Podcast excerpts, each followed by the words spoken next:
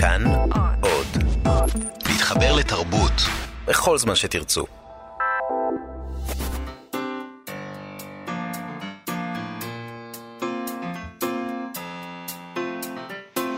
מה שכרוך עם יובל אביבי ומה יעשה לה. שלום, צהריים טובים, אנחנו מה שכרוך בכאן תרבות, תודה שהצטרפתם אלינו ב-104.9 או 105.3 FM או ביישומון כאן אודי שזמין בחנויות האפליקציות השונות חינם אין כסף, איתנו באולפן רות דוד אמיר, יוג'י גבאי ושלום לך גם, צהריים טובים, יובל אביבי. שלום, מה יעשה אמיתי לה? וראי.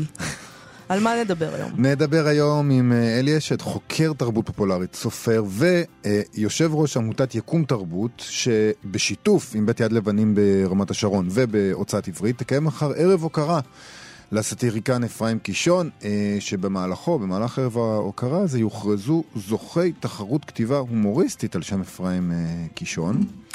ואלי אשד עצמו גם יישא שם הרצאה אה, יהיו שם כמה הרצאות, אבל הוא יישא הרצאה על הדמויות של אה, קישון מארבינקה ועד השוטר אזולאי, שתי דמויות אה, מוכרות מאוד. בכלל זה נחמד שעושים ערב מחווה לאפרים קישון, כי תמיד נראה שבכל זאת, למרות שהוא גדול מאוד, תמיד נשאר ככה בצל. אז נדבר איתו כמובן גם על זה, גם על הדמות של קישון וגם על מה הוא יגיד בהרצאה שלו. נדבר גם עם אה, דוקטור אה, גילה וכמן, אה, מרצה לספרות חז"ל, מדרש ואגדה. אה, במכון שכטר ובאוניברסיטה העברית בירושלים, היא ביחד עם דוקטור תמר הסי תדבר על מגילת רות אה, ועל ההשפעה של המגילה הזאת אה, בתרבות העברית. זה יהיה במסגרת ערב נשים וספרות בעקבות המגילה שהתקיים ביום חמישי, בשיתוף פעולה של בית אריאלה בתל אביב ובית אביחי בירושלים, ויהיו עוד דברים ככל שנספיק, אה, וכרגיל בטח לא נספיק. אה, נתחיל עם חגיגות ה-80, מזל טוב להוצאת הקיבוץ המאוחד ספריית פועלים, את יום ההולדת היפה הזה, העגול, מציינים בהוצאה בסדרת מינויים חדשים. נכון, אה, אז ככה שלחו לנו קומוניקט אה, מינויים חדשים, ואנחנו מכריזים בשמם על המינויים החדשים שלהם. למשל, דוקטור גדעון טיקוצקי, חוקר ספרות באוניברסיטה העברית, הוא כבר למעלה מעשור עורך בהוצאה הזאת, והוא ישמש לצידה של נוגה אלבלח כעורך ראשי. בשנת 2015 הוא זכה בפרס שרת התרבות לעריכה ספרותית. אה, הספר לאה גולדברג, השירים הגנוזים, פרי מחקרו ועריכתו, ראה אור זה עתה, אנחנו גם ראיינו אותו בנושא הזה. נכון. אז uh, הוא יהיה עורך ראשי. Uh, לצד נוגה אלבלח. למדור השירה בהוצאת, uh, בהוצאה שערכו עד היום עוזי שביט ולאה שניר, מצטרף העורך ארז שווייצר. שווייצר היה מעורכי המעורר כתבת לספרות ואומנות, ומחברם של שני ספרי פרוזה ושל ספר המ- המקבץ מבחר רשימות על שירה. אה, שיצא ממש עכשיו. אה, בשנים 2008 עד 2013 הוא היה מבקר השירה של מוסף ספרים אה, של הארץ. אה, הוא עסק שנים רבות בכתיבה, בעריכה, בביקורת, בתרגום וביצירה מוזיקלית. אני לא מבינה למה הם לא כתבו שהוא גם ה- מהמייסדים של דורלקס סדלקס, הלהקה האגדית. יצירה אבל, מוזיקלית אה, כתבו. יצירה מוזיקלית. אה, אני, אני לא יודעת אם הייתי מגדירה את זה במילה המכובסת הזאת, אבל אה, ברכות לארז שווייצר. אה, גם סדרת הפרוזה המתורגמת שבעריכת אה, אברהם קנטור ונוגה אלבלח אה, אה, זוכה לרענון, מתרחבת לתחום המקור. שזה דבר טוב, זה נהדר. אל שורות האורחים הצטרפו דוקטור גדעון אה, טיקוצקי והסופר אה, יואב רוזן. יואב רוזן הוא מחבר הספר קופי ופייסט, שזכה אה, בפרס משרד התרבות ליצירות ביקורים, והוא היה בעבר חלק ממערכת מעבורת ומערכת מטעם, והוא הצטרף להוצאה לפני שנתיים. הם הולכים להוציא ספרי מקור של יאיר אסולין, שירה פנקס ומיטל זוהר בין השאר. אפשר רק לברך על עוד uh, סדרה לספרות מקור. Uh, נוגה אלבלח, שהיא מנכ"לית ההוצאה, אמרה, אני שמחה בהתחדשות ההוצאה, בשורה של אורחים uh, מעולים, בעלי חזון ספרותי. לצד שמירה על קו האיכות המבוסס של ההוצאה, נפעל בתנופה לחיפוש קולות חדשים בשירה ובפרוזה. בפרוזה, אה, במציאות הטכנולוגית המשתנה, תפקידנו לפלס נתיבים חדשים אל לב הקוראים והקוראות, מתוך אמונה עזה כי הספרות תמיד תהיה רלוונטית, וכי אין תחליף למילה הכתובה. טוב, תשמע, אה, זה מאוד מעניין בעיניי, כי היא מדברת על נתיבים חדשים, אבל בוא נשים לב שאין כל כך הרבה חדש במינויים האלה שעליהם הם מכריזים. זה אותם אנשים שעבדו עם ההוצאה ובהוצאה עד כה, חלקם המון שנים, אה, פשוט נתנו להם טייטלים, אה, ואולי זאת המשמעות של שינויים טכנולוגיים שמצריכים היערכות מחדש, שעליהם מדברת נוגה אלבלח. קוראים לזה מיתוג, אז אבל יכול להיות שזה מה שזה. גם מה, איך, אה, מה המציאות הטכנולוגית המשתנה מקבלת ביטוי פה? מה, כאילו, שיש ספרות מקור עכשיו גם? אינני יודעת. לא אינני ברור יודעת. לי. אה, אוקיי, בסדר. עדיין מוציאים ספרים מודפסים, אני מקווה. כן. בהוצאה, וימשיכו לעשות אולי את זה. יהיו ספרים אה, אה, על, על הטכנולוגיה המשתנה. יכול להיות. או ש- או אולי, מת- אני, אני פשוט, אני לא חושבת ששמת לב, אני הצעתי הצעה, כן. שהאופן שבו הם מתמודדים עם המציאות החדשה, הטכנולוגית והאחרת, זה פשוט שהם ממתגים מחדש את ההוצאה. יכול להיות. והמייל הזה שקיבלנו זה מייל של מיתוג, של אין לו קשר לשום דבר חוץ ממיתוג. אה, האנשים אגב מצוינים, אה, חלקם בטח מאלה שאני אה, מכירה את פועלם, אה, נכון. אבל הם היו שם גם קודם. אה, אוקיי, בוא נדבר, אה, בוא נמשיך עם כן. נושא אחר, נדבר רגע על סוזן סונטג, כן. והגילויים האחרונים שעולים מהביוגרפיה החדשה, שכתב עליה בנג'מין מוזר, שאת הביוגרפיה הקודמת שהוא כתב על קלריס ליספקטור הייתה פשוט מופתית. ואני מאמינה שגם זאת, כי מדובר כאן בבחור מאוד מאוד רציני. מהביוגרפיה שהוא כתב על סוזן זונטג עולה אה, שספ, שספר שכתב לכאורה בעלה של זונטג, אה, פיליפ ריף, בעצם היא כתבה אותו, לא הוא, זה ספר שהוא מאוד נחשב שלו, אה, והיא ויתרה על הקניין הרוחני הזה שלה במסגרת קרב גירושין. בינה לבינו. סוזן זונטג, למי שלא מכיר, אה, בטח כולם מכירים, היא הייתה סופרת, במאית, פילוסופית, אחת ההוגות האמריקאיות החשובות ביותר של המאה ה-20, ללא נסכם את זה. כך. כן. אה, הספרים שלה כבר הפכו לקלאסיקות, המחלה כמטאפורה, צילום כראי התקופה ועוד. אה, בגיל 17 היא נישאה לסוציולוג פיליפ ריף. הם התגרשו אחרי שמונה שנות נישואים, שבמהלכן נולד הבן שלהם, דיוויד ריף. בשבוע שעבר דיווחו עיתונים שונים בעולם על כך שלפי הביוגרפיה החדשה, שנכתבה עליה, היא הייתה המחברת של הספר שעד כה היה ידוע שכתב ריף, הספר פרויד, The Mind of a Moralist, ושהיא הסכימה לוותר על, ה, על הדבר הזה ועל להיות חתומה על הספר במסגרת הסכם גירושים מכוער ואכזרי של השניים אה, ב-1959, כדי לקבל חזקה על הילד שלה. נכון. אה, הביוגרפיה הזאת היא סון, שתקרא אה, סונטג חייה, זה נשמע יותר טוב באנגלית.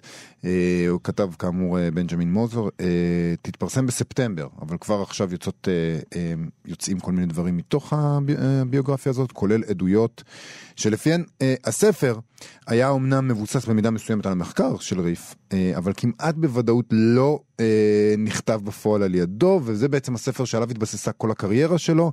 אה, זה חברה למשל של סוזן סונטג אה, אמרה לו, לבנג'מין מוזר, שסוזן עבדה כל אחר צהריים על שכתוב של הספר מאפס. גם הוא מצא רשומה מ-1957 ביומן של סוזן סונטג שבה היא מדווחת על העבודה שהיא מבצעת לטובת כתיבת הספר. יש גם מכתבים שבהם היא כתבה אה, לאימא שלה שהיא מדווחת על עומס עבודה אה, בגלל הספר הזה ועל קצב ההתקדמות בכתיבה שלו ו- ויש גם מכתב שכתב לחבר ב-1958 שבה במכתב הוא שואל האם ויתרת על הזכויות על הספר? זה יהיה פשע. היא מאשרת את הדבר והוא עונה, את לא יכולה להעניק את התרומה האינטלקטואלית שלך לאדם אחר, זה עלול להרוס את פיליפ אם הוא יעז להוציאו ללא חתימתך. בנג'מין מוזר אה, גם כותב ש-40 שנה לאחר מכן, אה, ריף שלח לזונטג עותק של הספר עם ההקדשה. סוזן, אהבת חיי, אם בני, שותפתי לכתיבת הספר, סלחי לי בבקשה, פיליפ. אה, אז אפשר לומר שזה די סוגר את העסק. כן, אה, זאת אומרת. זה לא, מפוק, לא מפוקפק, אולי כן, אולי לא, זה מה שהיה. מה שמדהים הוא שבזמן כתיבת הספר, אה, סוזן זונטג הייתה בשנות ה-20 המוקדמות לחייה. אה, זה נחשב לספר מאוד מבריק ומורכב, אה, ועד כדי כך שלמרות השמועות על כך לאורך השנים, היו שמועות לאורך השנים שהיא בעצם, בוא נגיד שאולי לא כתבה את הספר, הם כתבו אותו ביחד, אולי. אנשים אה, פשוט סירבו להאמין שאישה צעירה כל כך מסוגלת לכתוב יצירה כזאת. נכון, אבל היא הייתה אישה מבריקה והייתה מסוגלת, ועוד דבר שמדהים בדבר הזה, זה מה שגברים כוחניים מרשים לעצמם לעשות במסגרת אה, הסכמי גירושים. זה לא הדבר מדהים, זה הדבר המדהים. זאת אומרת, איזה בן אדם אתה צריך להיות שאתה אומר, אוקיי, בסדר, קחי את הילד, אבל תני את הספר. אה, זה, זה באמת, כיפוף כזה, ניצול עמדות חולשה של אנשים שמהן הם מתגרשים. חלק אה, מהגברים האלה יכולים לקחת כסף, חלק ייקחו רכוש, ואחרים ייקחו קניין רוחני, אם הם רק יכולים. אה, אולי הדבר היחיד שמעורר פה איזושהי תקווה לגבי אה, כל הסיפור הזה, שהכתיבה שלה הייתה כל כך גדולה, עד שהייתה דבר יקר מציאות, ששווה לגנוב ממנה. לא. אני, אני לא רואה איזה, איך זה יכול לעורר תקווה. כאילו, גנבו ממני, ומה שמעורר בי תקווה זה שזה אומר ששווה לגנוב ממני. לא, מה, מה שזה אומר זה... תקווה? קודם כל זה אומר שקניין רוחני הוא עדיין משהו ש... שאנשים מסוימים אומרים לעצמם שווה לגנוב אותו. מי היה מאמין שקרדיט זה משהו ששווה לגנוב אותו? אמ, אולי זה לא מעורר תקווה. לא. לא. עוד מעט חוגגים את אה, חג השבועות, אה, שם, שבו, באופן מסורתי, קוראים במגילת רות, לרגל החג חברו בית אביחי בירושלים, בית אריאלה בתל אביב, לערב נשים וספרות בעקבות מגילת רות. זה יקרה ביום חמישי הקרוב, בערב. אה, הערב הזה יחגוג את העובדה שהמגילה הזאת נחשבת לטקסט יוצא דופן בתנ"ך, בגלל המרכזיות שניתנת בו לנשים בספר די פטריארכלי, כאילו בגדול זה ספר שעוסק בגברים. אה, בין השאר יהיו שם סדנת כתיבה עם שרה בלאו בהשראת המגילה. אה, תהיה שיחה של דוקטור תמר מאיר ודוקטור אורית אבנרי על נשיות, הלכה, זרות והתקבלות במגילת רות ובמדרש רות רבה. וגם שיחה של אה, דוקטור גילה וחמן ודוקטור תמר הרס, הס על המגילה ועל ההשפעה שלה בתרבות העברית, בספרות ובשירה אה, בעברית. אה, שלום דוקטור גילה וחמן. דוקטור גילה וחמן. כן, שומעים אותי. נגיד שאת מרצה לספרות חז"ל, מדרש ואגדה במכון שכטר ובאוניברסיטה העברית בירושלים. נכון.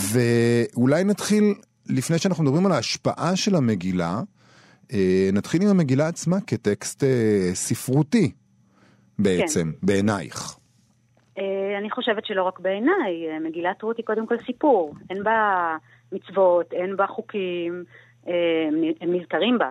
כבדרך אגב, אבל זה קודם כל סיפור, סיפור של משפחה, סיפור של אה, אה, גאולה אה, פרטית, אבל כמובן גם בסוף גאולה לאומית, אחרת זה לא היה נכנס לתנ"ך. אה, אבל היא אכן סיפור מאוד נשי, כמו שהזכרת בראשית דבריך. הוא יוצא דופן במובן הזה, נגיד מבחינת התנ"ך, במובן הזה שהוא סיפור שאין בו שום דבר חוץ מהסיפור עצמו, כלומר מצוות וציוויים וכאלה? אה, לא, אפשר להגיד שגם מגילת אסתר למשל היא סיפור. אז אולי כל פעם שהם כותבים על נשים, זה סיפור בעצם. יכול להיות, לא חשבתי על זה ככה. אמ, לא, התנ"ך הלא יש בו גם שירה, נכון. יש בו גם סיפור, סיפורים, יש בו גם מצוות, יש בו דברים אחרים. אני לא חושבת שמגילת רות יוצאת דופן במובן הזה שהיא עיקרה סיפור, אבל היא כן יוצאת דופן במובן הזה שהיא סיפור נשי. כי גם מגילת אסתר, מי שמניע בה את העלילה ומי שקובע את הדברים זה בסופו של דבר הגברים. ומגילת רות לעומת זאת, אה, היא אמנם מתחילה וילך איש מבית לחם יהודה, אבל מהר מאוד האיש הזה ימות וגם בניו ימותו, ובעצם אה, נשאר רק עם הנשים. אז איך זה קרה שטקסט כזה, אה, נשי, של נשים, על נשים, אה, נכלל בכלל בקאנון התנ"כי? הייתי מצפה שיזרקו אותו החוצה מזמן. Uh, טוב, למרבה המזל הם התנהגו יפה, כן. ושמרו אותם בפנים. מה המשמעות? Uh, מה, מה יש שם אני, בטקסט אני, הזה? אני אגיד לך מה אני חושבת. קודם כל, רות היא, היא דוגמה, היא סיפור על מישהי שבאה מבחוץ והצטרפה אלינו, כן? היא, היא האחר האולטימטיבי. אז היא גם לא יהודייה, נכון? היא, היא מואבית, וגם אישה. היא גם אלמנה, זאת אומרת, היא הכי מוחלשת שיכולה להיות.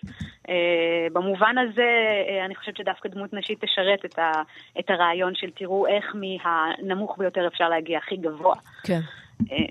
ומעבר לזה, אולי באמת uh, חמק פה מתחת לרדאר הפטריארכלי איזה סיפור עם מסר של העצמה נשית, זה גם תמיד יכול להיות. איך, ה... איך את רואה את, ה... נגיד, הספרות והשירה, איך הם מושפעו מהמגילה הזאת? הם הושפעו מאוד, כלומר, כמו, כמו שכל התנ"ך השפיע על הספרות והשירה שלנו, אה, אבל אני חושבת שבמקרה של מגילת רות, אה, באופן מיוחד, אה, הספרות העברית המתחדשת, כן, דור התחייה וראשית הציונות מאוד אהבו את המגילה הזאת, קודם כל בגלל ההתרחשות שלה בשדות בית לחם, ביהודה, כן, העם, בעצם הדמויות המרכזיות שחוזרות מה, מארץ הנכר אל המולדת, וכמובן גם כל עבודת האדמה שהיא חלק מאוד מרכזי במגילה, אה, כן. השדות השעורה והחיטה של... זה התאים לנו, זה התאים לאתוס. כן, כן, mm-hmm. כן, ולכן גם הפכו את מגילת רות למחזות ולהצגות שהיו מעלים יחד עם טקסי הביקורים, זה חלק שמאוד מאוד יושב טוב על, ה, על ההתחדשות של ה... גם של עבודת האדמה וגם בכלל של ההגעה לארץ, כן. החיבור לאדמה. אז איזה יוצרים ספציפיים, איזה יצירות ספציפיות עושות אה, שואבות השראה, או אפילו לפעמים מעתיקות? אפשר להגיד מי לא. אה, אבל כבר הרומן שנחשב הרומן העברי הראשון, כן, אהבת ציון של אברהם מפו, כבר הוא, כשהוא מספר אה, על הגיבורים שלו, הוא ממקם את העלילה בירושלים, ביהודה, אה, ואז הוא פתאום, אה, כשהוא מתאר אה, איך אחן, עוזרו של הגיבור הראשי, המלך יורם, סליחה, יורם, הוא לא המלך, אבל העוזר שלו מגיע אל, אני אקרא ככה מתוך הרומן, כן, וירא שם אוהל קטן, וימצא בו אישה ונערה, נדברות אישה לרעותה, ואז הוא פונה אליהם והוא אומר, אלוהים עמכם נשי החיל, והן אומרות לו יברכך השם. והוא אומר, היש את נפשכם להניף מגל בקוצרים או ללקט בעומרים אחרי הקוצרים? הוא בעצם ממש מצטט את מילות המגילה, למרות שהדמויות האלה הן לא נעמי ורות, הן שתי דמויות אחרות, אבל כן. כאילו, אתה לא יכול לספר במאה ה-19 על, על, על יהודה בתקופת התנ"ך בלי לצטט את מגילת רות ובלי להתייחס לשתי נשים עניות ש, שמפרנסות את עצמן בקושי. אז זה, זה באמת העתקה מוחלטת, אבל ההשראה היותר אה, מפותחת נגיד, כן, אפשר לראות אותה גם נניח אה, ברקע של הסיפור בדמי המאה של עגנון. Mm-hmm. יש שם משהו מאוד דומה, אני לא, לא, לא כל כך חושבים על זה בדרך כלל כי זה לא מצוטט באופן ישיר, אבל גיבורת הסיפור תרצה היא בעצם נישאת אה, לעכביה מזל שהיה אהובה של אימא שלה. היא בעצם מגשימה אה, בעצמה את האהבה הלא ממומשת אה, של הדור הקודם. וזה דבר שבעצם, אם מסתכלים על מגילת רות, מאוד דומה למה שקורה שמה, כי נעמי שולחת את רות אל בועז, אבל היא בעצם מגשימה דרכה את עצמה. הלוא היא חוזרת, היא אלמנה, ובועז הוא בן דורה, בן מודע של משפחתה, ו, והיא שולחת אותה, אפילו המקרא עצמו משתמש פה בצורה מאוד, אני חושבת, מתוחכמת, במילים. המילים שכתובות זה, כשהיא אומרת לרות, היא אומרת לה, אה, וירדת הגורן. כתוב וירדתי, כאילו נעמי מדברת על עצמה. כן. יש פה משהו מאוד, אה, אה, כפל משמעות כזאת בכתיבה. רציתי אה, לשאול, האם, זה נחשב טקסט מאוד מאוד נשי הרי, האם נשים וגברים שמצטטים אותו, ששואבים ממנו השראה, כותבים עליו אחרת? אני חושבת שכן. אה, אה, הזכרתי את בדמי המאה. בדמי המאה זה סיפור שנכתב בגוף ראשון על ידי אישה, ומי שכותב אותו הוא שי עגנון. אה, קצת כמו אצל עמוס עוז, שהוא כותב את מיכאל שלי דרך עיניה של חנה. ואז תמיד השאלה, האם גבר באמת יכול להבין את האישה ואת מה שהיא מרגישה כשהוא מדבר בשמה. אז אני חושבת כדוגמה על השיר המפורסם של יהודה עמיחי, שהוא אומר, נעמי שאמרה, אני מלאה הלכתי וריקם השיבני אדוני, ידעה הכל על תהליך הריק והמלא, על בניה שמתו ועל ענקת רחם מתרוקן, כמו אקורדיון שעושה מנגינה מן המלא והריק. אז, אז החסר הזה של נעמי אצל יהודה עמיחי אה, מתואר כ, כמנגינה, כמשהו, רחם שמתמלא ומתרוקן, זה, זה דבר שאפשר אה, לדמיין אותו, אבל אבל מנגינה זה דבר שמח, אקורדיון זה דבר שמח. זאת אומרת, אני חושבת שאולי הוא פספס פה משהו אה, מהכאב שיכול להיות... אה, אה, לעומת זאת, אם אנחנו קוראים שיר של רבקה מרים, שהיא מתארת את החסר הזה, אז היא אומרת, ובבטן נעמי שני בורות קטנים, כגומות חפורות לקראת נטיעה, והיא ממש מרגישה שכאילו חסר לה משהו מהגוף, והיא אומרת בסוף השיר, במותם נטלוהו עמם, היא מדגישה הרבה יותר את החסר, mm-hmm. לא את הריק שמתמלא, לא את המנגינה שנוצרת, אלא, אלא את החסר שאין מה שיוכל למלא אותו. אה, פה אני חושבת הזווית הנשית או הקריאה הנשית של המגילה היא תהיה קצת שונה מהקריאה הגברית שמחפשת באמת את הגאולה ואת המלך שייוולד בסוף הסיפור הזה אה, ויותר מתעכבת על, ה, על על האבל הפרטי, על ההתרוקנות שהייתה בתחילת הסיפור. אני מבין גם שיש לכם איזו התייחסות לדרך שבה גברים נוטים לראות את אה, דמותה של רות. אה, אה המראה החיצוני אתה מתכוון. כן. אמ, טוב, זה, האמת שפה אני לא יודעת אם יש דווקא הבדל בין גברים ונשים, כי אפשר לראות באופן מעניין, גם אצל גברים וגם אצל נשים, אה, שכותבים, ש, שמשכתבים את רות ואת המגילה, באיזשהו אופן מוזר, שניהם מדמיינים את רות, אולי אני צריכה להקדים ולהגיד, במגילה אין אף מילה על איך היא נראית. כן? Mm-hmm. גם זה בניגוד לאסתר, למשל, שאומרים עליה שהיא יפת תואר ויפת מראה, או דמויות נשיות אחרות, גם על שרה זה נאמר, או רחל. על רות אין אף מילה, יפה, לא יפה, איך היא נראית. אנחנו רק יודעים שהיא נערה מואביה. ו- והנה, מואביה זה בכל זאת אה, עם שכן לנו, אפשר לשער שהיא הייתה אה, כהת עור, כהת שיער, ובכל זאת איכשהו בשירים, גם של גברים וגם של נשים, כשמתארים את רות, היא תמיד מתוארת, כמעט תמיד מתוארת כבלונדינית. טוב, זה מודל היופי המערבי, השתלט על העניין הזה, כן. אנחנו צריכים לזכור, הלוא היא המופת והדוגמה למתגיירת, כן, לגיורת. כן. אז היא באה מבחוץ, היא לא כמונו, היא שונה. אנחנו גם לא היינו אז בלונדינים, לפי כן. דעתי. אני, גם היום אני לא בלונדינית, אבל אז בטח לא נכון. היינו בלונדינים. וגם, כאילו...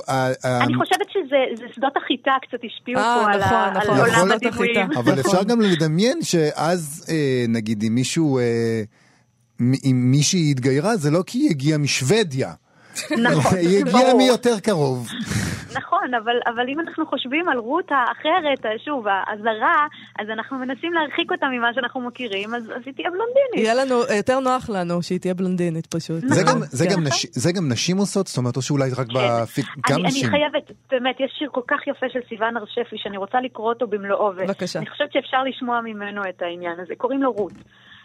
אה, אמרתי שובי, אלף פעמים אמרתי לך, אלף גרגירי החיטה מדגדגים בך בטבור, בטבור פנימי, קמטים נסתרים מתגלים בך ופנים, אחזי בי, צחקי לי בצחוקך כזה של גוי פעמוני, שבני אהב בך במהופנת, שלא רצה לצרוב בזרע יהודי.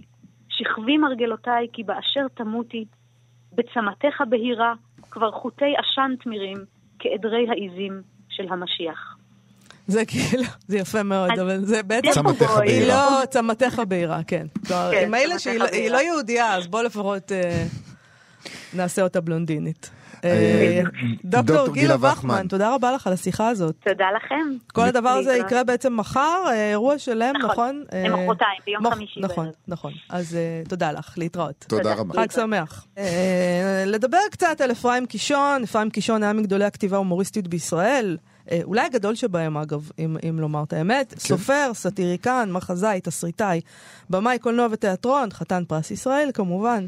הוא זכה להכרה בינלאומית, אה, הוא זכה גם להכרה בישראל, אבל כאן הוא הצליח מאוד בוא נגיד, אבל, אבל אולי אפשר להגיד שהוא אף פעם לא באמת התקבל בקרב הממסד התרבותי, תמיד עיקמו את הפרצוף לעומתו.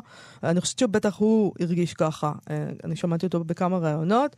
למרות זאת, הוא השפיע על כותבים רבים, מחר בערב יתקיים ערב הוקרה לזכרו. שבו גם יינתן מקום של כבוד להשפעה הזאת שלו על הכותבים, אה, עם הכרזת הזוכים בפרסי הכתיבה ההומוריסטית על שם אפרים קישון. כל הדבר הזה יקרה בבית יד לבנים ברמת השרון, אה, בשיתוף עם עמותת יקום תרבות והוצאת עברית. ובנוסף לכך יהיו שם אה, הרצאות של הסופר אבי גולדברג, שידבר על השפה הקישונית. פריצת דרך בהומור הישראלי, יהיה מופע של הבן של קישון, רפי קישון. אה, על היצירה של אביו, וגם הרצאה של אלי אשד, חוקר תרבות פופולרית, סופר ויו"ר עמותת יקום תרבות, על הדמויות של קישון, מארבינקה עד השוטר אזולאי. שלום לאלי אשד. שלום לכם. שלום. אז אולי נתחיל קודם אה, רק ב... שתספר לנו קצת על התחרות הזאת. אה, התחרות הזאת נוצרה בידי אבי גולדברג, סופר ועורך דין, mm-hmm. שיזם אותה, וקיבלנו הרבה תמיכה, גם מהילדים של אפרים קישון, וגם מהרבה אנשים אחרים שקישון בהחלט מעניין אותם וחשוב להם, גם אחרי כל השנים האלה, וכמו שאת ציינת, אפרים קישון הוא באמת אחד ההומוריסטים הידועים ביותר, למעשה לא, הוא ההומוריסט הידוע ביותר. נכון. גם בארץ וגם בעולם אין בכלל מישהו שמבחינת הפרסום העולמי אפילו מתחיל להתחרות איתו. עכשיו, כמו שאמרת, הוא היה גם מתוסכל מחוסר ההכרה הממסדית וכל זה, אני לא כל כך, אני, שבתור יקום תרבות אין לנו שום הכרה ממסדית, לא כל כך מבינים את אפרים קישון מהבחינה הזאת, את כל כן, הפרסים שהוא כן. זכה בהם. זה נראה לנו קצת קטנוני, כל התסכול הזה, אני מצטער מאוד לומר, אבל אין ספק שהוא היה הומוריסט גדול, ללא קשר למה שהוא הרגיש. רגע, והתחרות הזאת זה משהו שקורה באופן קבוע, הוא אמור להימשך, זה עכשיו מסורת שתימשך... אנחנו מקווים שזה יהיה מסורת. אני יכול לומר לך שבאמת יש מחסור בסיפורים מצחיקים. כן, כאילו האחרונות. הסופרים הישראלים איכשהו נפרדו בשנים האחרונות מהעניין של ההומור. הומור, אנחנו, יש בטלוויזיה, זה עניין כן, אחר, כן. ארץ נהדרת, אבל בספרות יפה לא. אני יכול להגיד לכם שקיבלנו שיטפון של סיפורים שלא אה. האמנו בכלל קרוב. 100 סיפורים. יפה. וזה, אני, אנחנו חושב, אני חושב שאם היינו מכריזים עוד זמן, קצת לפני זה, 200 או 300. רגע, אנשים- והם היו באמת, אה, אלי, הם היו מצחיקים? אה, זה כבר שאלה אחרת לגמרי. מה בעצם זה מצחיק? תראי, אני, אני יכול להגיד שבאמת הייתי אחד השופטים, מה שאני קראתי לא הכל הצחיק אותי, למרות שזה נחשב מצחיק, אבל היו כמה דברים בהחלט מצחיקים. אבל עוד פעם, גם ההומור זה דבר שמשתנה. ותגיד, בתור, אה, בתור מי שאוהב את, אה, את אה, קישון, אתה הרגשת איזושהי השפעה שלו? אנשים, אנשים שכותבים לתחרות על שמו ניסו להגיד, אה, אני אנסה להיות קישוני? הם ניסו. עכשיו, האם הם הצליחו? זה לא. עכשיו, אני כן מתמצא בהומור הכישרוני. היום ההומור הכישרוני, למשל על הבירוקרטיה ההסתדרותית, כן. זה כבר לא עובד, בכלל לא מצחיק, אפילו כי היום זה בכלל, בכלל לא ככה. Mm. מה כן עובד לדעתי? זה סיפורים שלו על אנשים שעושים סתם מתיחות, מסדרים אנשים, דברים כאלה, זה דעתי. דווקא עוד מצחיק. כי אנחנו עוד אוהבים למתוח ולהימתח, אבל כל הסיפורים האלה על הבירוקרט ההסתדרותי, זה מה זה לא מצחיק? כי מה שאנחנו רואים היום בכנסת זה ההפך המוחלט האבסולוטי. כלומר, אני שואל את עצמי אם אפרים קישון יכול היה לעשות מזה סיפור מצחיק, אני לא בטוח בזה. ומה עם הדרך שבה הוא ראה את המשפחה האישית שלו? זה עדיין, אה, זה עדיין היה מצחיק. עובד. זה היה, הוא היה כותב סיטקום. מצחיק. הסיפורים שלו על הכלבים, אני אתן דוגמה, יש לו את הסיפור על הכלבה שלו, שכל הכלבים מחזרים אחריה בתקופת האיחום. כן. הסיפור הזה לא איבד כלום, זה עדיין מצחיק, אני עדיין צחקתי כשקראתי את זה, קראתי את זה גם כשהייתי ילד, לפני הרבה זמן, וזה עדיין מצחיק גם היום. זה לא איבד כלום מהכוח שלו. ספר לנו קצת, אלי, על ההרצאה שלך, על הדמויות של קישון. מה, מה, מה, מה תדבר קישון. שם? מי הדמויות שאנחנו זוכרים בעצם של קישון? יש לו הרבה, קונשטטר, המשורר, שאת רובם אף אחד כבר לא זוכר. את מי זוכרים? זוכרים בתור דוגמה את סאלח שבתי, המהגר הזה, העולה הזה ממרוקו, הערמומי, אבל איך זוכרים אותו? זו גם כן שאלה גדולה מאוד, כי כיום אם זוכרים אותו, וזוכרים אותו בתור הדמות הגזענית הזאת, שאפרים קישון יצר, נכון. של המזרחי המרוקני, זה כל מה שזוכרים בעצם. יש גם דמויות אחרות, כמו ארבינקה, הנוכל הערמומי הזה, שהוא בעצם לא נוכל, הוא מטחן. הוא מין יהודה ברקן כזה, זה מה שהוא בעצם, הוא לא נוכל בכלל. ויש גם את השוטר אזולאי, אותו זוכרים בגלל הסרט, אבל בעצם כן זוכרים את סאלח שבתי וזוכרים אותו כמישהו להראות, הנה, תראו, האפרים קישון הזה וכל הממסד שלו הם כולם גזעניים, שונאי מרוקנים. כן. עכשיו, לא. כי קודם כל אפרים קישון, כמו כולם היום, כמו בכלל לא ראה את עצמו כחלק מהממסד, הוא ראה את עצמו, כמו שאת ציינת בעצמך, כנרדף בידי הממסד, אבל היום כולם אומרים שהם נרדפים בידי הממסד. אפילו ראש נכון. הממשלה אומר שהוא נרדף בידי הממסד. אז מהבחינה הזאת אף אחד לא יוצא, אז זה, יש קצת בעיה עם הטענות האלה כשכולם טוענים שהם נרדפים נכון, ומדוכאים. נכון. עכשיו, סאלח שבתי, אבל מה שכן, אפרים קישון הודה שזה יש בו, שהאמת היא שסאלח שבתי מבוסס עליו עצמו, הוא חשב איך הוא, איך הוא היה אם הוא היה עולה, לא מהונגריה אלא ממרוקו, וככה הוא הציג את עצמו קצת. נכון שהייתה לו גם בעיה עם המרוקנים, הוא, אמר, הוא הודה, הוא אמר, אני לא רוצה שמדינת ישראל תהפך ממדינה אירופאית למדינה לבנטינית, כמו כל המדינות שסביבנו, שיש שם רודן, שליט שמדכא את כל השאר, אני לא רוצה, אז נכון שקצת חשבתי, אני מודה שיש בי גזענות קצת, אני לא רציתי שנהיה לבנטינים, אבל זה כבר אולי עניין אחר. אבל הדמות שהוא הציג לא הייתה מבחינתו דמות גזענית, הוא חשב שהוא דווקא סימפטי מאוד. ומה עם השוטר אזולאי, שהיה דמות... שוטר אה, אזולאי זה כבר עולם מחמירת יקום לב. אחר לגמרי. כן. זה זה שוטר ספרדי אגב, גם נכון. כן לא אשכנזי בכלל, וכאן הוא ממש מתאר דמות מורכבת. שוטר אזולאי בכלל לא מופיע בהומוריסקות הכתובות שלו, זה הכל אה, תוצר של הסרטים. ובסרט שהוא יצר של השוטר אזולאי, זה הדמות אחת המורכבות, אולי הכי מורכבת שהופיעה עד אז בקולנוע הישראלי. הנה הגזען הזה, ההונגרי הזה, מתאר שוטר ספרדי שאני לא יודע בטוח שבמאים שהם לא ממוצא אשכנזי הונגרי אי פעם הצליחו לתאר כל כך מתוחכם. כן. אבל אולי אני גזעני בזה. ותראי, אה, תראי, הוא בעצמו, בין השאר הוא כעס מאוד שהממסד לא מכיר גם בזה, שהוא היה מועמד לפרס האוסקר. בקיצור, גם הבן אדם המצליח הזה הקדים את ראש ממשלתנו בזה שהוא מתלונן כל הזמן שרוד- שרודפים אותו ומדכאים אותו ולא מכירים בו. כלומר, אה, אז יש דבר אחד לפחות שמשותף לכולנו. אנחנו כן, שכל מתלוננים. הזמן אנחנו טוענים שאנחנו נרדפים ומדוכאים ומושפלים וכל זה. כן, אפילו אפרים קישון, הסופר הכי מצליח של מדינת ישראל, דיבר בסוף חייו רק על זה בעצם. נכון. אלי אשד, תודה רבה לך על השיחה הזאת. אה, אז אה, אנחנו, אנחנו נשמח לשמוע על הסיפור הזוכה כשיהיה, ואפילו לקרוא אותו. נודיע עליו במהלך התחרות, כולכם מוזמנים לבוא ולהאזין.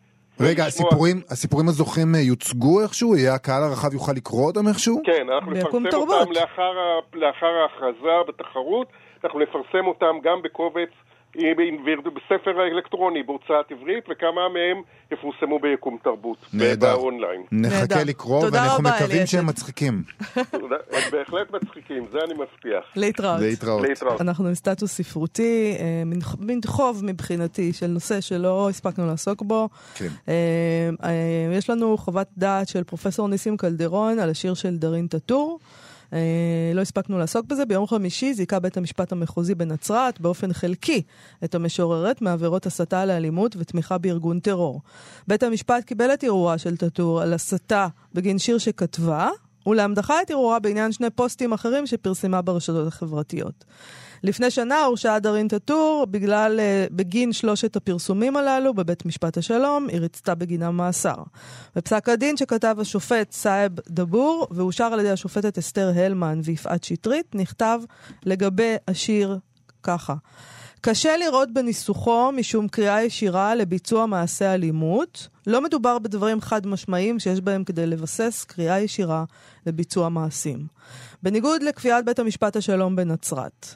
עוד כתבו השופטים כי עם כל אי הנוחות והתחושה הקשה שיכולה לחלחל אל נפשו ותודעתו של כל ישראלי שנחשף לשיר, לא ניתן לומר כי מדובר בקול מאיים, דורש, מצווה וחותר, עד כדי יציקת קרקע פוריה לאפשרות ממשית.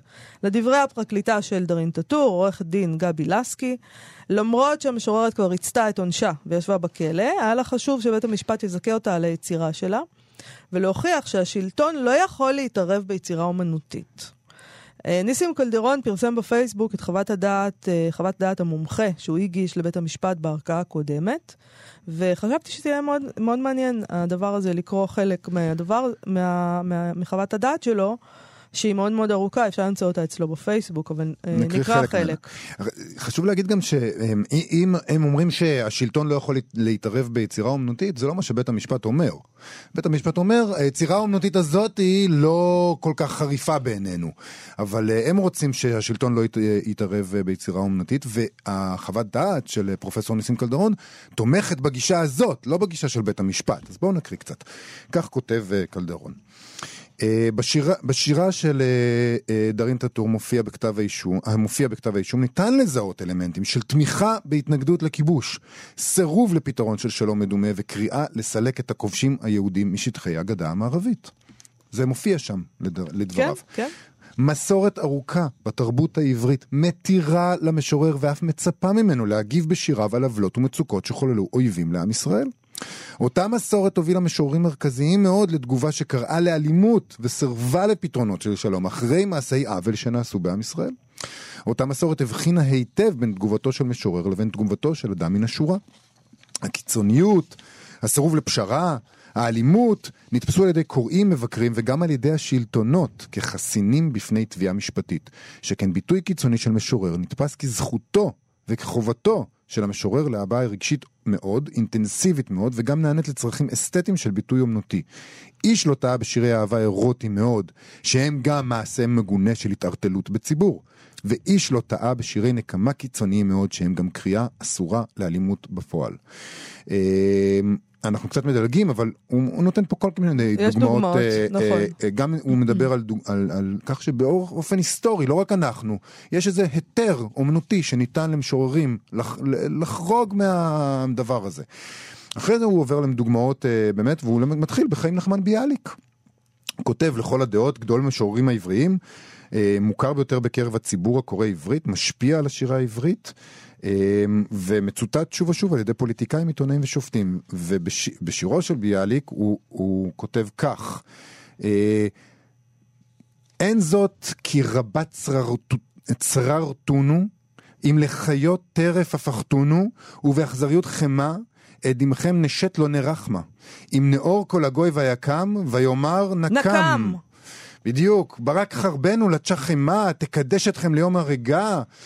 אה, הוא מפרט שהשיר פורסם ב-1903, ורואים בו תגובה של ביאליק לפרעות קישינב. אה, והוא אומר שאלה הסבורים שהכותרת באה, לה... יש שם כותרת שלכאורה זה בר כוכבא, כן? שניסה לעשות את כבר כוכבא, אבל uh, גם ברוסיה ידעו על מה מדובר לפי טענתו, והוא אומר שאף אחד לא uh, ראה בביאליק, או האשים את ביאליק כקורא לפעולה. מערכת המשפט, הוא אומר, לא העלתה בדעתה מערכת המשפט של העריצות הרוסית, הנגועה באנטישמיות עמוקה, להעמיד לדין את המשורר הקורא לנקמה אלימה ברוסים. הוא ממשיך, הוא כותב גם על שיר של שאול צ'רניחובסקי, אה, ש... אה, חרבי, אי חרבי, אי חרב נוקמת, חרבי ליטנו, לא אשיב לנדנה, שפתיים הדובבו, קרבות אחפוצה. כן. מה זה כאן? ואחרי זה הוא נותן גם דוגמה של אורי צבי גרינברג. כמובן. אה, הוא שוכח כן. אבל הוא מתבלבל קצת קלדרון בעיניי. כלומר, הוא נותן לנו דוגמאות מאוד יפות, אבל פה אנחנו מדברים על אה, דוגמאות של שוערים יהודים. נכון. מותר זה להם. בדיוק, זה בדיוק העניין, אבל מה, מה שמדהים זה, הנה למשל, השיר של אה, אה, אורי צבי גרינברג.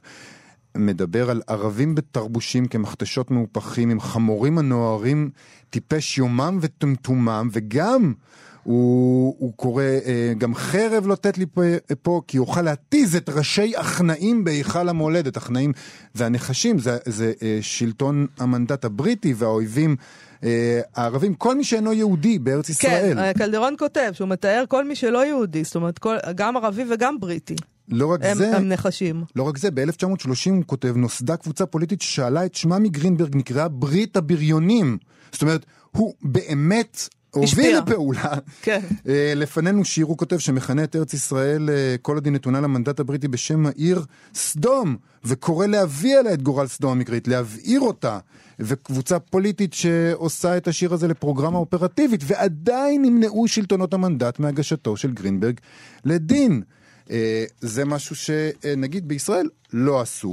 אה, ונסיים, נכון?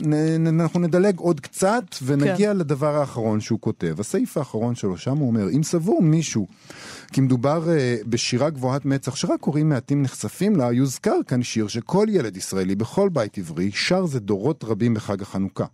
זה פיוט שמקורו לא ודאי, ונהוג לראות בו תגובה יהודית מן המאה ה-13 על הפרעות שליוו את מסעות הצלב. שיר שאתם מכירים. מעוז צור ישועתי, לך נאה לשבח. תיקון בית תפילתי, ושם תודה נזבח. לעת תכין מטבח, מצר המנבח. אז אגמור בשיר מזמור חנוכת המזבח. בכל שנה, כותב קלדרון, שרים יהודים יחד עם ילדיהם על אויביהם, שמן הדין לכנות אותם כלבים מנבחים, זה המנבח, ומן הראוי להכין להם מטבח, שהוא בלשון פשוטה טבח. ובצדק הם שרים אותו, כותב. יש להם חשבון מר עם מדכאיהם, והם יודעים ששיר על מטבח אינו מטבח. זו פשוט, חוות דעת. פשוט וקל. שיר על מטבח איננו מטבח. נכון. Uh, תשמע, גם, uh, גם אם דברים... הרעיון שהשלטון מפחד משירה במובן הזה, כבר דיברנו על זה כמה פעמים. יש בזה משהו מקסים. אולי לא בשביל דארין טאטור שהייתה צריכה לשבת. אגב, פחות. אתה שמעת על דארין טאטור, המשוררת הדגולה, לפני זה? כי הרי השיר שהיא כתבה הוא פשוט שיר גרוע, בוא נודה בזה. כן? אף אחד לא מדבר על שירה, אז, אז זה שיר לא טוב. אה, ו, והם הפכו אותה למשוררת מוכרת, נגיד שהיא משוררת. אה, סתם בגלל גחמה ש... בגלל שהם מפחדים? ממה הם מפחדים? מאיזה בחורה ש... באמת. אה, אוקיי, זה, זה בעיקר אה, אפשר להפוך את זה לאיזה קומדיה קישונית, לפי דעתי. לגמרי. אה, אנחנו צריכים לסיים? לא, נכון? אנחנו, אנחנו נסיים? לא, אנחנו נעבור לדבר הבא אה, יש לנו עוד דבר? כן, יש לנו דבר. חשבתי שאנחנו צריכים לסיים. לא, אוקיי. אין לנו, אנחנו צריכים למלא את הזמן אז מה הדבר הבא? נעשה פינת צריכים... גנזים. אה, גנזים, אוקיי, רגע. אה, נחזור אה, לסופר אה, אה זה גם חוב. יש נכון, לנו חוב, יש לנו חוב, כן. אה... איכשהו הצלחנו לא לדבר על זה, נכון. לא יודעת נכון. למה, כל פעם לא היה לנו זמן. אה, הרמן ווק נפטר בסוף השבוע בגיל 104. אה, או בעצם כמה ימים לפני יום הולדתו, יום הולדתו ה-104, הוא נולד ב-27 במאי 1000. 1915. זה מסעיר שהוא חי על כל, על מאה שלמה. אה, הוא היה סופר ומחזאי, זוכה פרס פוליצר על ספרו המרד על הקיין, כתב גם עוד, עוד המון ספרים, רוחות מלחמה, מלחמה וזיכרון, אה, הספרים שכתב עובדו לקולנוע ולתיאטרון. הוא מת בביתו בקליפורניה. את הספר האחרון שלו הוא פרסם כשהיה בן 100 בשנת 2015, uh, תחת השם Sailor and Fiddler, Reflection of a 100 year old author, שזה מקסים, זה היה non-fiction כמובן, mm-hmm. ממואר, שייט וכנר מחשבות של סופר בן 100. Uh, הסוכנת שלו, אימי רנארט, אמרה לניו יורק טיימס שהוא עבד על ספר כשמת, אם כי כמנהגו הוא סירב לדבר על הספר החדש עד שיגמור לכתוב. אה, שזה יפה, עוד יהיה עוד ספר שלו. המבקרים אגב לא השתגעו עליו. בניו יורק טיימס מזכירים שהוא היה שק החבטות של הביקורת, שמקסימום הסכימה להכיר ביכולתו לספר סיפור שמיליוני קוראים אה, אוהבים.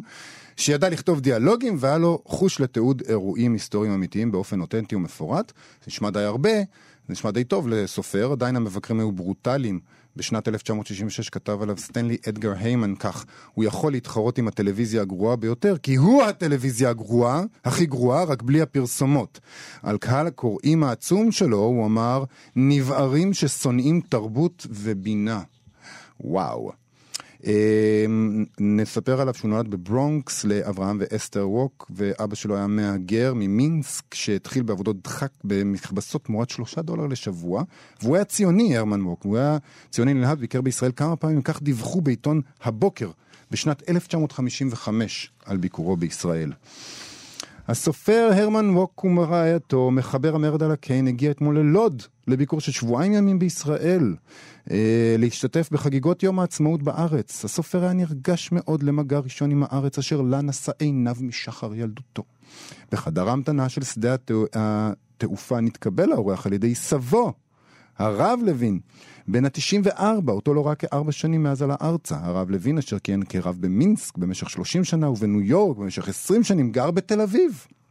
בשיחה עם כתב ישראלי מסר מר ווקי, הוא מרגיש סיכה עמוקה ליהדות, הוא מכהן כמרצה בישיבה קולג' בניו יורק.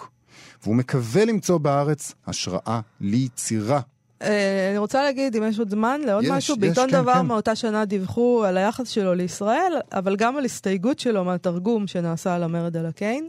אה, הצגה שביים פיטר פריי, אה, ונציין שווק ידע עברית, הוא בא לראות פה את ההצגה. הוא אמר ככה, מאמין אני באמונה שלמה בעתידה של ישראל, וקרוב לוודאי שהקמתה של המדינה תתגלה כאחת מאבני היסוד למבצעים ההיסטוריים שנעשו במאה ה-20. אה, אמר אה, הרמן ווק, מחבר המרד על הקיין, העוזב היום את הארץ, במסיבת עיתונאים שנערכה ביום ו' בתל אביב. הרמן ווק סיפר על הפתעתו הרבה מיפי הארץ, חינה וחיוניותה. זאת ציין משום שבארצות הברית מושם הדגש תמיד בקשיי הארץ ובעיותיה.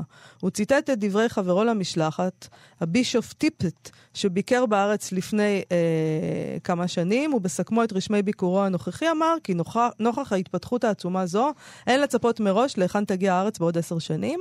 הרמן, הרמן ווק אמר כי הוא מאמין בעתידה של הדת בישראל, והצביע על כך שאפילו בקרב החוגים הבלתי דתיים שבהם נתקל, פגש אנשים רבויי רוח היהדות. הציונות מקורה בתפיסה דתית, לחיות בארץ הוא מעשה דתי, ובניין הארץ הוא מצווה דתית, אמר הרמן מוק, הידוע כשומר מסורת, והוסיף כי אין ספק שחיי הארץ יושתתו על התנ"ך. ועל עשרת הדיברות. הוא, הוא, הוא, כן, יכול להיות שהוא חזה את זה כמו שזה. בד... אני חייבת לג... רק את זה. כן. בדברו על הצגת המרד על הקן בהבימה, ציין ווק כי לדעתו ההצגה היא אפקטיבית מאוד, אך שונה מהגרסה האמריקאית. הסופר השמיע טענה לתרגומו הבלתי מדויק של מונח מסוים שהופיע בתרגום העברי כתכסיסי פרקליטון יהודי. כך תרגמו. משפט זה, אילו היה נאמר על ידי התובע הצבאי, היה מביא להדחתו של תובע זה מיד מתפקידו. המונח במקורו פירושו בערך פרקליט ערמומי ותכסיסן. הם תרגמו את זה לפרקליטון יהודי, יהודון. Mm-hmm. אה, פה בזה. אה, לדבריו, יש אומנם אנטישמיות בארצות הברית, אך רמת ההתנהגות בצי לא תאפשר ביטויים כאלה בפני בית משפט צבאי. יפה. זה יפה מאוד. יפה. יפה מאוד. הוא היה בצי, הוא יודע איך מתנהגים. הוא היה בצי, נכון, הוא היה בצי, זה נכון. אנחנו טוב. באמת, עכשיו אנחנו באמת צריכים לסיים. שילמנו את כל חובותינו, יפה. חוץ מהחובות של שבוע שעבר, שאליהם כבר לא נגיע, בשנה הבאה. אז uh, תודה רבה לרות דוד אמיר ויוג'י גבאי שעשו איתנו את התוכנית, להתראות מחר.